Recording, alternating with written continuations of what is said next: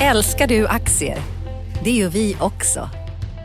Sea Worldwide Asset Management är en av Nordens största oberoende aktiva aktieförvaltare och har samlad kunskap sedan 1986. Ta del av vår kunskap på seaworldwide.se. Bokstaven C worldwide.se.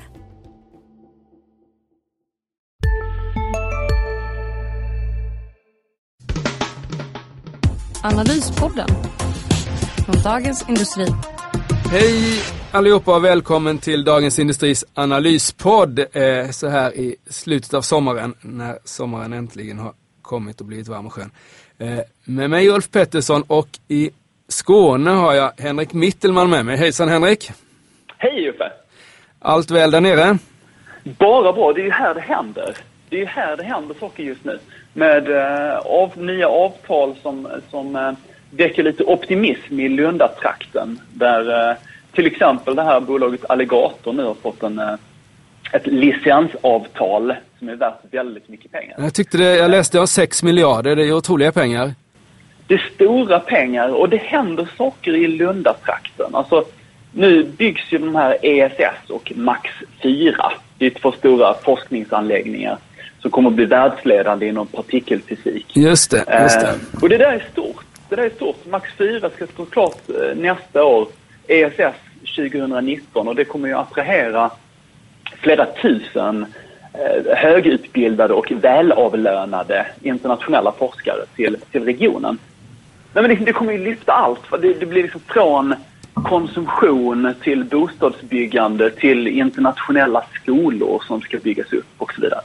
Ja, eh, men annars har man ju hört hur eh, eh, att Astra har lagt ner där det är ett tag sedan och då Ericssons bägge bolag här, eller Sony var det väl som ägde telefonerna till sist här. Men det, Lund är så pass framåt att de klarar av sådana där nedläggningar, eller hur?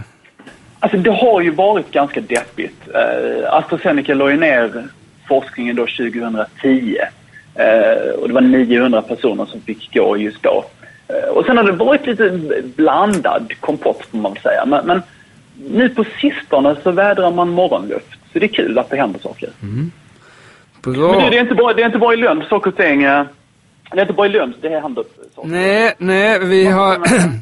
Vi är inte full bemanning riktigt på analysredaktionen här, men vi som är här har haft att göra. Eh, det är ju eh, vd-byten i stort sett varenda dag här, eh, så sommaren är verkligen över. Eh, det inledde ju med att eh, Sandvik fick en ny chef eh, som man hämtar från Finland. Olof Axander får gå. Eh, och sen så dagen efter så skulle Klausen, Christian Klausen på Nordea, dansken, sluta och tas över av en finne, von Koskull. En, Finländare heter det ju. det heter det kanske, det kanske är Ja. lite, lite väl eh, populistiskt att säga finne. Exakt. Bra, då ska vi se, då får jag väl säga något. Och Helena Stjernholm från eh, riskkapitalbolaget IK, gamla Industrikapital, som då ska ta över efter Anders Norén. Så det har hänt väldigt mycket här. Eh. Och det är ju spännande, alltså det är ju, det är ju något unikt. Jag har aldrig nog varit, ja det var ju en dag, det var 95 kommer jag ihåg, då bytte ju, bytte ju Träskov och Leif Johansson jobb med varandra. Så då var det, då var det ganska många vd-byten liksom. Men eh, det måste nästan varit rekord det här ändå. Finns det någon gemensam nämnare? Nej, eh, det kan man väl inte säga riktigt. Olof Axander är ju bara 45 år så han, han följer inte för åldersstrecket medan Klausen däremot är 60 och har varit VD i åtta år så det var ju inte så märkligt. Och att industrivärlden bytte VD vet vi alla vad det beror på efter den här fantastiska turbulensen som har varit i snart ett år nu då.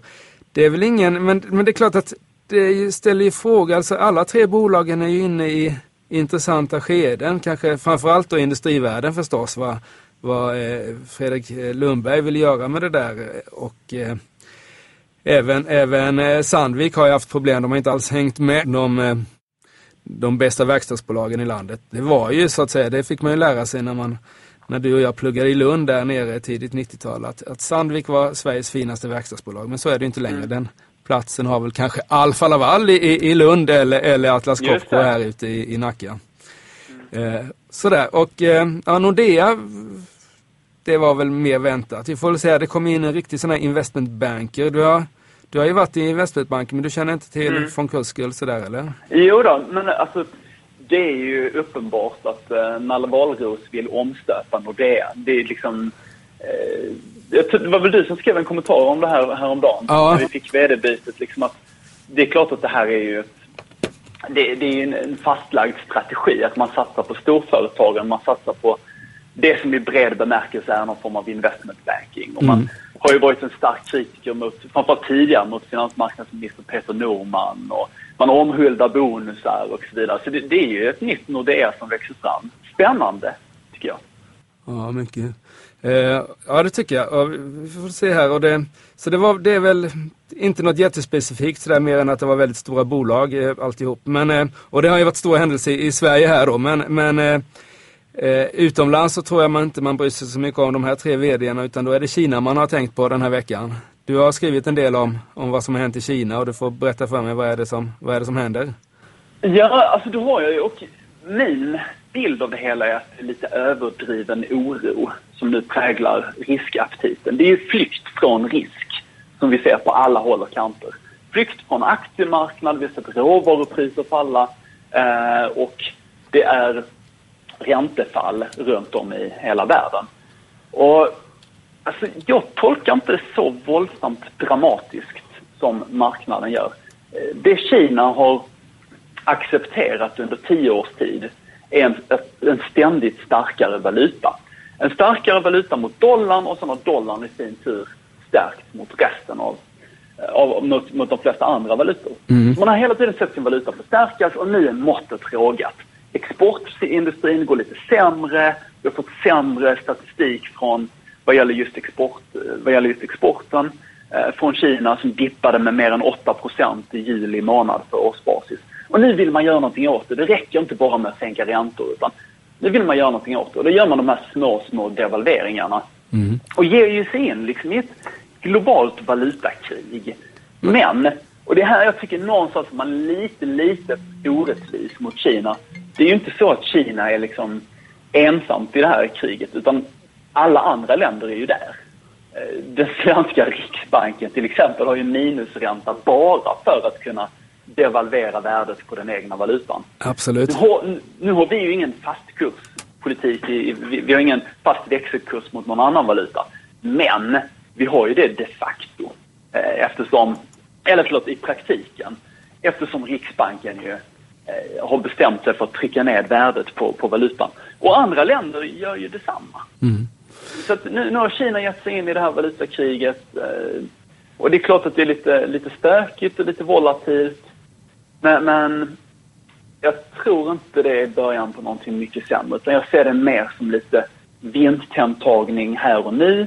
Eh, många amerikanska tongivande fondförvaltare som precis nu när vår semester börjar gå mot sitt slut, nu inleds deras semesterperiod. Och då vill man liksom städa lite i böckerna och eh, då, då kan det bli större svängningar än vad det normalt skulle blivit. Men det här, det, det här att, att man inte gjorde det när vi devalverade, det var väl 82 vi gjorde vår devalvering eller 81 möjligen. Då gjorde vi allt på en gång här men här tar de ett par procent knappt per dag sådär. skapar inte det lite oro? Att man, man borde gjort det, eller, eller är det jag som har missförstått någonting här att du sänker, sänker valutan lite varje dag? Ja, fast man gör väl två saker. Det ena är att man har genomfört en de facto devalvering. Eh, man har fastställt en annan, en annan kurs mot dollarn. Eh, men sen så tydliggör man i pressmeddelandet också att det är med syfte att också få att liberalisera handeln, att handeln ska styras, eller att valutan ska styras mer av marknadsmekanismer. För att, mycket för att blidka IMF. Då kan man komma in i den här finklubben som reservvalutor tillsammans med euron, yenen, pundet och dollarn. Just det. Den klubben vill man gärna vara med i. Men, men och jag tror att alltså, man ska inte jämföra. Du tänker, alltså om vi talar stora devalveringen i Sverige så var det ju 92. Eh, ja. det kallar jag depreciering som har läst makroekonomin. Det fick man lära sig. Ja, okay. det heter inte devalvering, det heter depreciering. Men jag håller med dig, det, det är, bara, det är väl en, en lekmod. Ja, precis. Och där kan man ju också, jag menar, om vi går tillbaka till 92 då höjde Riksbanken styrräntan till 500 procent för att tydliggöra att vi ska minst sista dagarna nu på vårens stora season sale. Passa på att göra sommarfint hemma, både inne och ute. Och fynda till fantastiska priser. Måndagen den 6 maj avslutar vi med Kvällsöppet i 21.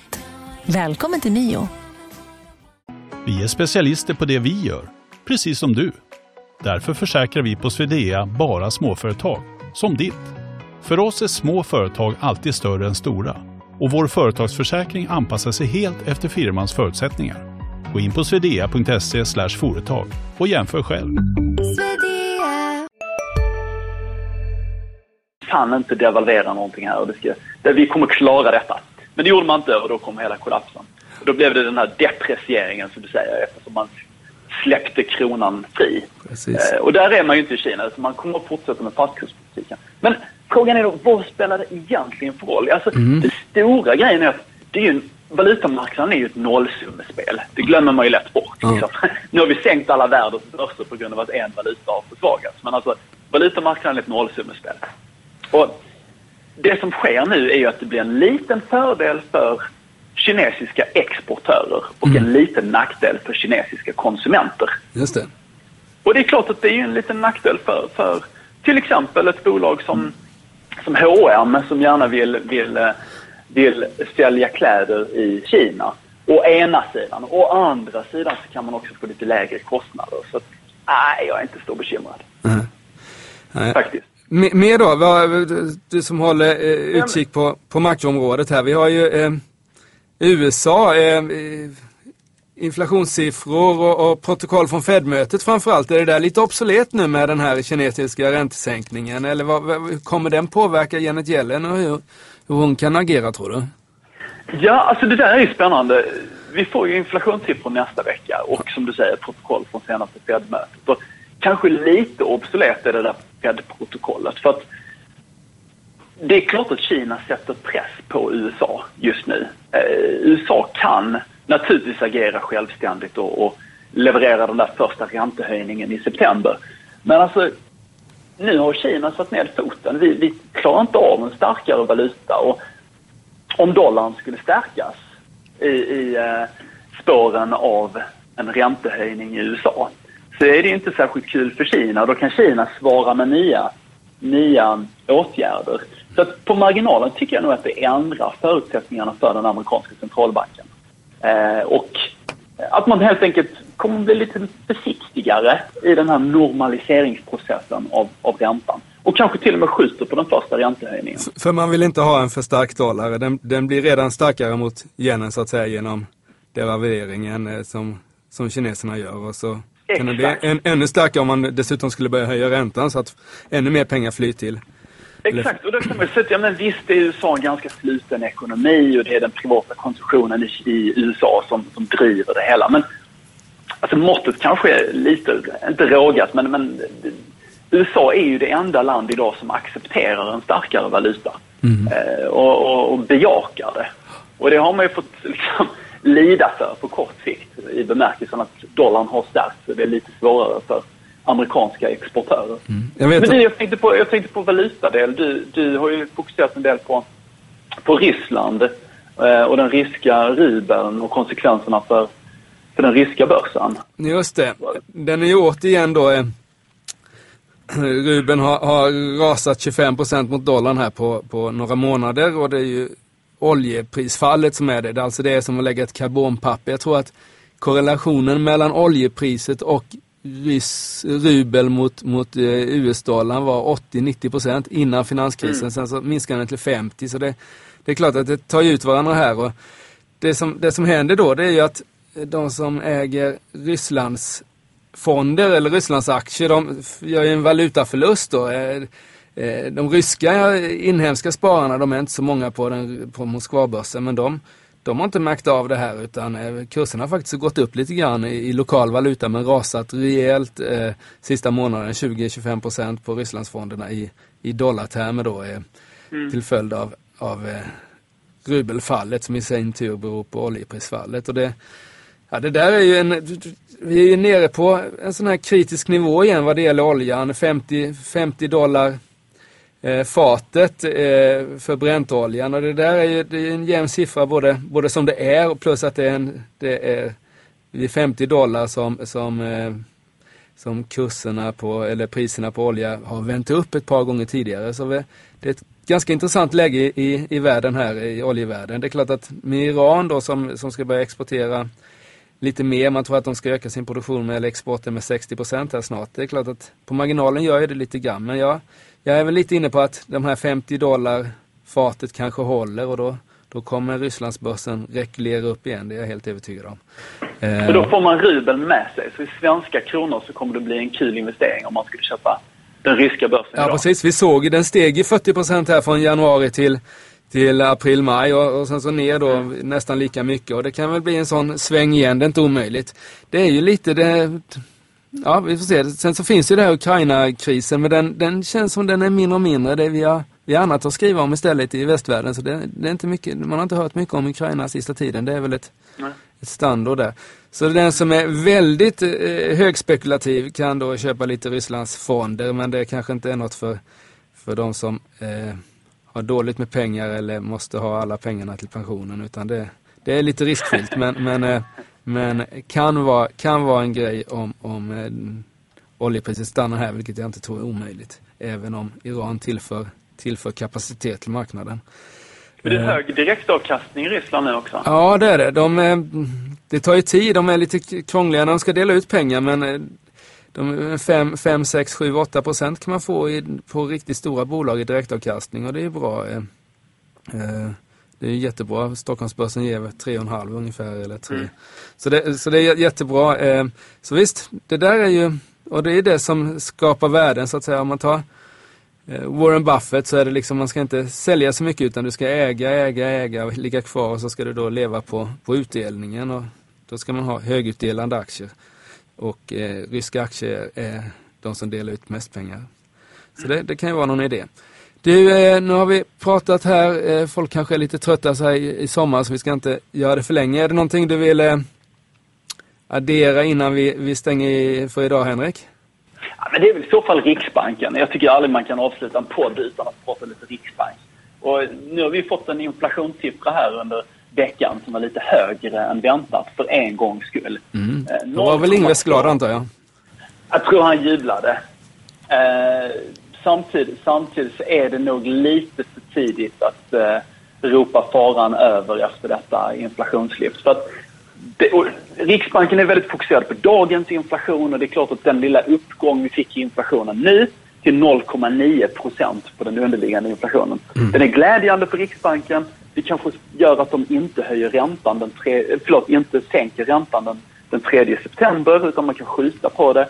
Eh, Men Riksbanken är så fokuserad på den faktiska inflationen idag, inte den framtida, utan den, den idag, paradoxalt nog.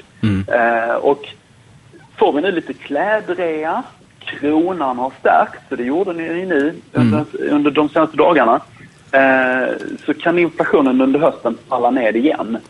Och då kanske Riksbanken häller nytt, häller ny bensin på den här brasan som ju gör att vi får ytterligare husprisinflation, men kanske inte så mycket KPI-inflation. Ja, just det. Du, du såg några huspriser någonstans ifrån? eh, De fortsätter Ja, upp eller vad? idag.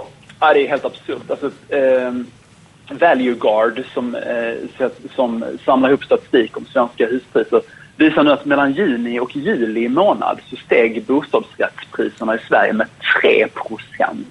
Alltså 3 procent på en månad. Det, det, det, det är 40-50 procent på året uppräknat i årstakt. Exakt. 1,03 uppe till 12. Det händer grejer här. Ja. Eh, och det är där jag tror någonstans att vi liksom...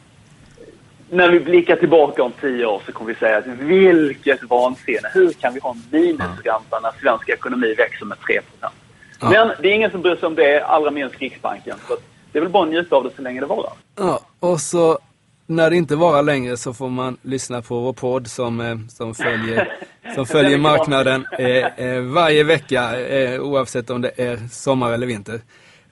Bra Henrik, du får ha en trevlig helg där nere i, i Skåne och så kanske vi ses i nästa vecka eller när du tar dig upp hit igen. Det gör vi. Tack och hej och tack till allihopa som lyssnade på dagens podd från Dagens Industris analysavdelning. Ha en trevlig helg. Analyspodden från Dagens Industri. Programmet redigerades av Umami Produktion. Ansvarig utgivare Peter Fellman.